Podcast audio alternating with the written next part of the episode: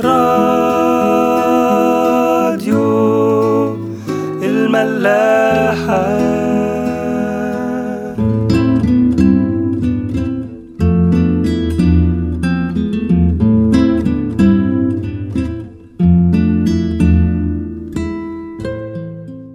مساء الخير أهلا بيكم في حلقة جديدة من عيش وملح. خلصنا آخر مرة أول أيام أسبوع الالام أو ال Passion Week اللي هو يوم حد الزعف أو يوم دخول المسيح الملوكي لأورشليم. شفنا الترحاب والهتاف للشعب في أورشليم وخصوصا بعد معرفتهم بمعجزة إقامة لعازر من الموت فساعتها اتأكدوا إن لازم ده يكون المسيح اللي هيملك عليهم ويحررهم من اعدائهم في حين شفنا بقى طبعا غضب وغيرة رؤساء الكهنة والفريسيين من الاستقبال ده لدرجة إن هم قالوا لبعض أنتوا خلاص ما بقيتوش نافعين في حاجة وكل الشعب خلاص مشي وراه فخلاص إيه لازمتنا؟ في جميع الأحوال خلص اليوم وزي ما كنا قلنا من كام حلقة إن بيت عنيا اللي فيها مريم ومارثا والعازر هتبقى الهب أو المركز بتاع المسيح في خلال الأسبوع ده كله. فكل يوم هيروح أورشليم أو هيروح في أي حتة يرجع يبيت في بيت عنيا. وفعلا بتشوف في متى ومرقس إن بعد انتهاء اليوم بيرجع يسوع مع التلاميذ لبيت عنيا وبيبات هناك وبيصبح يوم الاثنين تاني يوم في أسبوع الألام. في اليوم ده على عكس الفرح والبهجة اللي كانوا يوم الحد هنشوف ثلاث أحداث مش مفرحين بالمرة بل بالعكس هم مؤلمين لدرجة إن كتير مننا ممكن حتى بيتجاهلهم أو على الأقل محدش بيحاول يعني يفكر أو يتأمل فيهم كتير. خلونا نشوف حصل إيه. أول موقف في متى ومرقس بس إحنا هنقراه من مرقس 11 أعداد 12 ل 14 وفي الغد لما خرجوا من بيت عنيا جاع. فنظر شجرة تين من بعيد عليها ورق وجاء لعله يجد فيها شيئا فلما جاء إليها لم يجد شيئا إلا ورقا لأنه لم يكن وقت التين. فأجاب يسوع وقال لها لا يأكل أحد منك ثمرا بعد إلى الأبد. وكان تلاميذه يسمعون. واللي عارف باقي القصة هيعرف إن فعلا الشجرة دي يبست ومش بعدها بفترة لأ يعني تاني يوم هيعدوا عليها يلاقوا الشجرة نشفت من الجذور. واللي عارف المسيح ويشوف المنظر ده هيستغرب. يعني ليه المسيح يعمل كده مع يعني شجرة لمجرد إنه ملقاش فيها ثمر وحتى يعني ما كانش في أوانها. واللي عارف أمثال المسيح كمان هيفتكر مثل هيبدو يعني متطابق مع القصة دي بس متناقض مع رد فعل المسيح. المثل هنلاقيه في لقا 13 أعداد 6 ل 9 تعالوا نقراه بسرعة كده مع بعض. وقال هذا المثل كانت لواحد شجرة تين مغروسة في كرمه فأتى يطلب فيها ثمرا ولم يجد. فقال للكرام هو ذا ثلاث سنين آتي أطلب ثمرا في هذه التينة ولم أجد. اقطعها. لماذا تبطل الأرض أيضا؟ فأجاب وقال له يا سيد اتركها هذه السنة أيضا حتى أنقب حولها وأضع زبلا فإن صنعت ثمرا وإلا ففيما بعد تقطعه. يعني فين بقى الرأفة المتوقعة من المسيح في الموقف ده؟ حتى يعني لو زعلان قوي كده من الشجرة اللي ما فيهاش ثمر طب ما سابهاش ليه يمكن تجيب ثمر بعدين؟ حد يقول طب يعني ما هو يمكن تكون الشجرة دي كان عارفها كان بيعدي في المكان ده كتير وكل مرة ما بيلاقيش فيها ثمر. ويمكن كمان هي اللي كانت في المثل ده يمكن المسيح كان قصده على الشجرة دي. فخلاص دي خدت فرصتها. يعني ماشي يمكن. بس هل ده برضو اللي إحنا متوقعينه من المسيح؟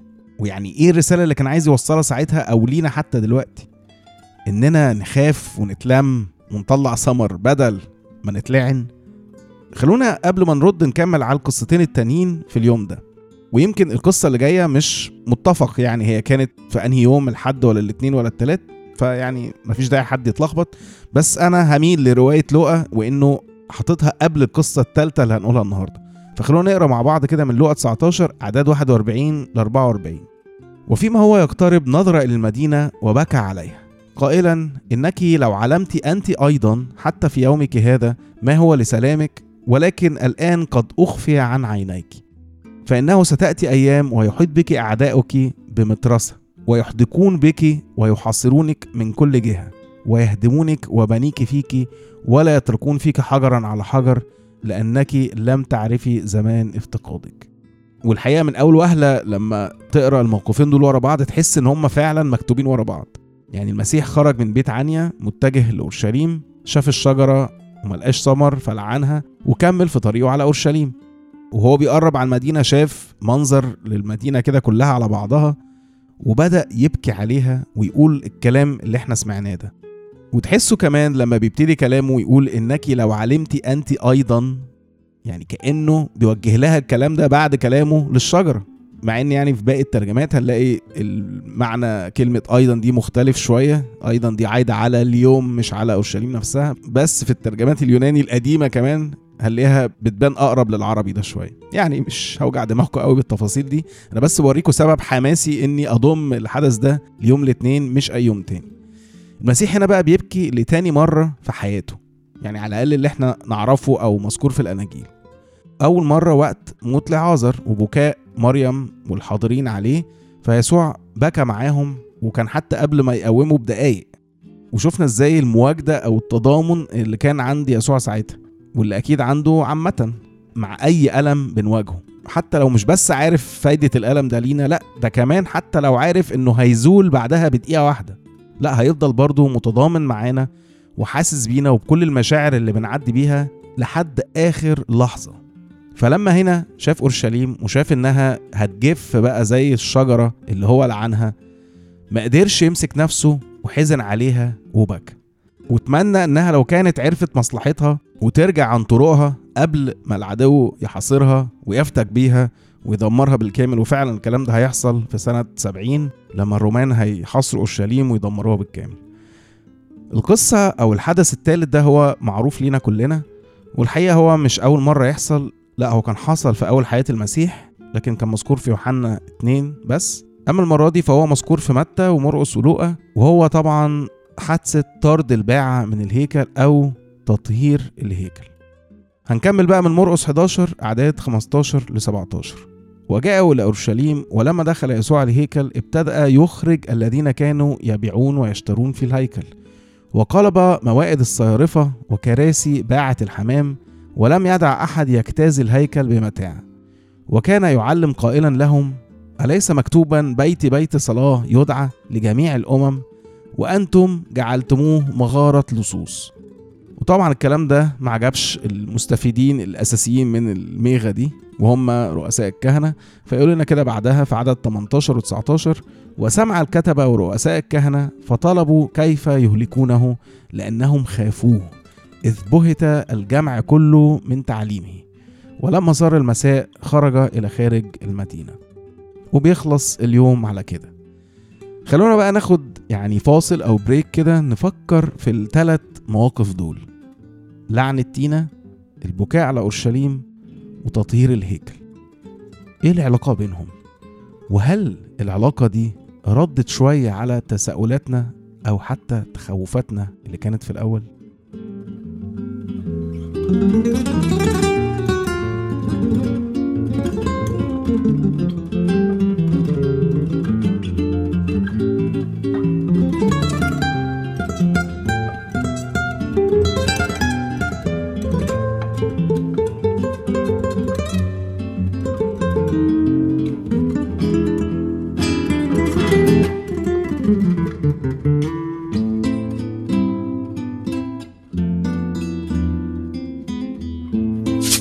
راديو ملاح.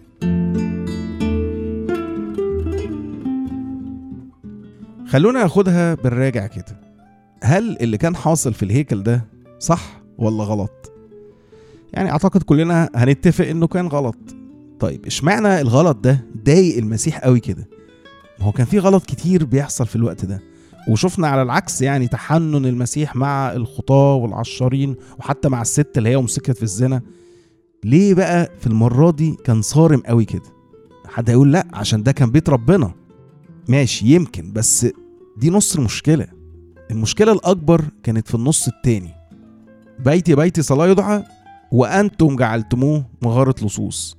فبالتالي الكهنة والكتبة وكل التابعين ليهم ادوا شكل القداسة لعمل أو سلوك إجرامي قائم على النصب والسرقة. واللي حابب بقى يعرف تفاصيل أكتر عن الموضوع ده مش عايز أطول الحلقة دلوقتي ممكن يرجع لحلقة 21 اللي كنا بنحكي فيها على أول مرة طرد المسيح الباعة من الهيكل. فده بقى السبب اللي خلى المسيح لازم يبقى حاسم وقاطع بالشكل ده. ده غلط ده أسود. ما ينفعش نبيعه للناس على إنه أبيض على إنه ربنا مبسوط بيه وراضي عنه وعايزه كده. لأنه ساعتها الشعب كله هيفقده معنى الأبيض والأسود أصلا. ويمكن قلنا كتير ولسه هنشوف ده كمان بشكل أكبر في الحلقات اللي جاية إزاي إن أكتر حاجة كانت بتضايق المسيح مش أي خطية في حد ذاتها ولا حتى على فكرة تشدد الفريسيين في تعاليمهم في حد ذاته إنما هي عدم الرحمة والمرائية إن هم يعملوا أعمال تبدو مقدسة وإن هو ده اللي ربنا عايزه وهي في باطنها كلها نجاسة. فبالتالي الناس تشوف ربنا اللي المفروض يكون فيهم وتفتكر إن هو ده ربنا وتعصر للأبد. في متى 23 إصحاح كامل هنشوفه المسيح بيواجه فيه الكتبة والفريسيين بمنتهى الحسم والوضوح وفي عدد 27 بقى بيوصل لقمة المواجهة دي في رأيي يعني فبيقول لهم كده ويل لكم أيها الكتبة والفريسيون المراؤون لأنكم تشبهون قبورا مبيضة تظهر من خارج جميلة وهي من داخل مملوءة عظام أموات وكل نجاسة. لو بقى طبقنا كل الكلام ده على أول موقف وهو لعن شجرة التين هنفهم بقى ساعتها كل حاجة. إن المشكلة ما كانتش في عدم وجود الثمر المشكلة إن الشجرة كانت كلها ورق وفي وقت مش بتاعها فأدت الانطباع إنها مليانة ثمر فاللي رايح لها جعان واللي المفروض يشبع مش جعان أكتر. وبالتالي لعنة المسيح برضو ما جاتش عشان هي مش مثمرة. إنما عشان ما تخدعش حد تاني بعد كده. حتى لو بقالها سنة واتنين وتلاتة وعشرة بتخدع الناس. ربنا في وقت معين لازم يتدخل. عشان خاطر عياله ما يعصروش وينسوا إيه الصح من غلط أصلا ومين هو ربنا أصلا. ومن هنا بنفهم سبب بكاء المسيح على أورشليم. لأنه كان عارف إنه بسبب ريائها ده وفساد الهيكل من جوه اللي هو المفروض يكون مصدر قوتها فربنا كان لازم هيسمح بتدميرها بالكامل. عشان دي نتيجة المرائية اللي هتوصلهم إن هم حتى ما يعرفوش يميزوا ابن ربنا نفسه ويتهموا المسيح اللي جاي يخلصهم بإنه بيجدف. ورغم كل ده بنشوف إن رد فعل المسيح ما كانش الغضب أو التشفي فيهم بسبب اللي هيحصل. حتى لو ده العدل اللي عادة بنبقى مستنينه لأعدائنا إنما لأ رد فعله كان حزن. ومش الحزن على حد ومصيره بس من بعيد لبعيد لا نفس الحزن اللي كان عنده وقت مطلع عازر حزن المواجدة الحقيقية اللي بيوصل للبكا ومن هنا بنفهم حتى روح المسيح وقت اللعنة أو وقت التنبؤ بمصير أورشليم أو وقت تطهير الهيكل. هو حزن مش غضب ولا انتقام ولا حتى غيرة لإقامة العدل اللي هم نفسهم بيدعوا ليه طول النهار والليل. إنما مجرد حزن على خليقة بتنهار وبتختار إنها تتعمي وتترك مصدر حياتها ورجائها وتكتفي بورق التين اللي لا يستر ولا يشبع. فأرمية 2 أعداد 12 و 13 آيات بتبين نفس الروح والحزن ده عند ربنا. عشان اللي بيفتكر ويقول العهد القديم ده ربنا كان واحد تاني اسمع بقى بيقول إيه. ابهتي أيتها السماوات من هذا واقشعري وتحيري جدا يقول الرب لأن شعبي عمل شرين تركوني أنا ينبوع المياه الحية لينكروا لأنفسهم ابارا ابارا مشققة لا تضبط ماء. حزن يا جماعة حزن وبس. ملاحة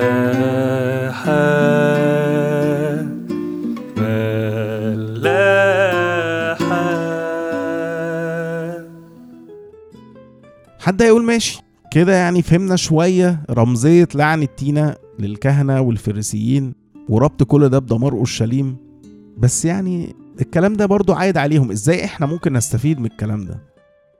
الرد بقى في المثل اللي إحنا قريناه من اللي هو 13 بتاع التينة المثل ده للي مش فاكر كان المسيح قايله لناس جت كده تسأله في رأيه عن الجليليين اللي ماتوا بطريقة بشعة على ايدين بيلاطس. إيه رأيك في الموضوع ده؟ زي ما إحنا كده ممكن النهارده نسأل ربنا عن رأيه في الفريسيين والكهنة اللي صلبوه. إيه اللي هيحصل فيهم؟ فيعني قال لهم وبيقول لنا أنتوا فاكرين انه الكلام ده عشان الناس دي كانت أوحش من الباقي؟ لا هنلاقي بقى في عدد خمسة قبل المثل ده على طول بيقول لهم كده. كلا أقول لكم بل إن لم تتوبوا فجميعكم كذلك تهلكون. فأي حد فينا لو مشي في السكة دي هينال نفس المصير. وما أقرب أنا مش هقول بقى الخطية دي لأ هقول الحالة دي.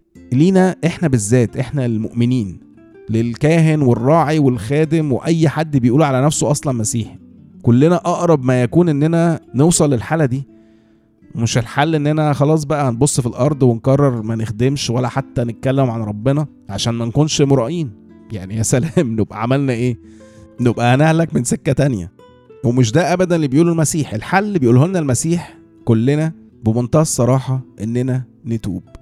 والتوبة يا جماعة مش هي الكف عن الخطية إنما هي الاعتراف والندم عن الخطية اللي إحنا بنعملها لحد ما بين نعمه نبطل نعملها. المشكلة الحقيقية هي لما بنوصل لليوم اللي ما بقاش عندنا حاجة نتوب عنها لأنه ساعتها هنكون أعلنا إننا مش محتاجين المسيح اللي هو جه للمرضى مش للأصحاء اللي زينا. وساعتها بنبقى بدأنا طريقنا إننا نكون شجر شكله حلو وهو من جواه فاضي. وسنة ورا سنة تعدي ومهما ربنا عمل معانا إحنا خلاص ثابتين على موقفنا. لأننا بقينا مهتمين بس إن يكون شكلنا حلو قدام بعض. مش إننا مرضى ومحتاجين الشفاء قدام ربنا. عارفين بقى زي مين بالظبط؟ زي زمان قوي آدم وحواء. أول ما وقعوا في الخطية. بدل التوبة والاعتراف بخطيتهم قدام ربنا لا قرروا يستروا عريهم بنفس ورق التين ده. كلنا يا جماعة وأنا أول واحد طبعا اللي بيتكلم ده لازم نعرف إن أول يوم هيعدي عليا وأنا ما عنديش حاجة أتوب عنها هو أول يوم في طريقي ناحية الشجرة دي. نشوفكم الحلقة الجاية.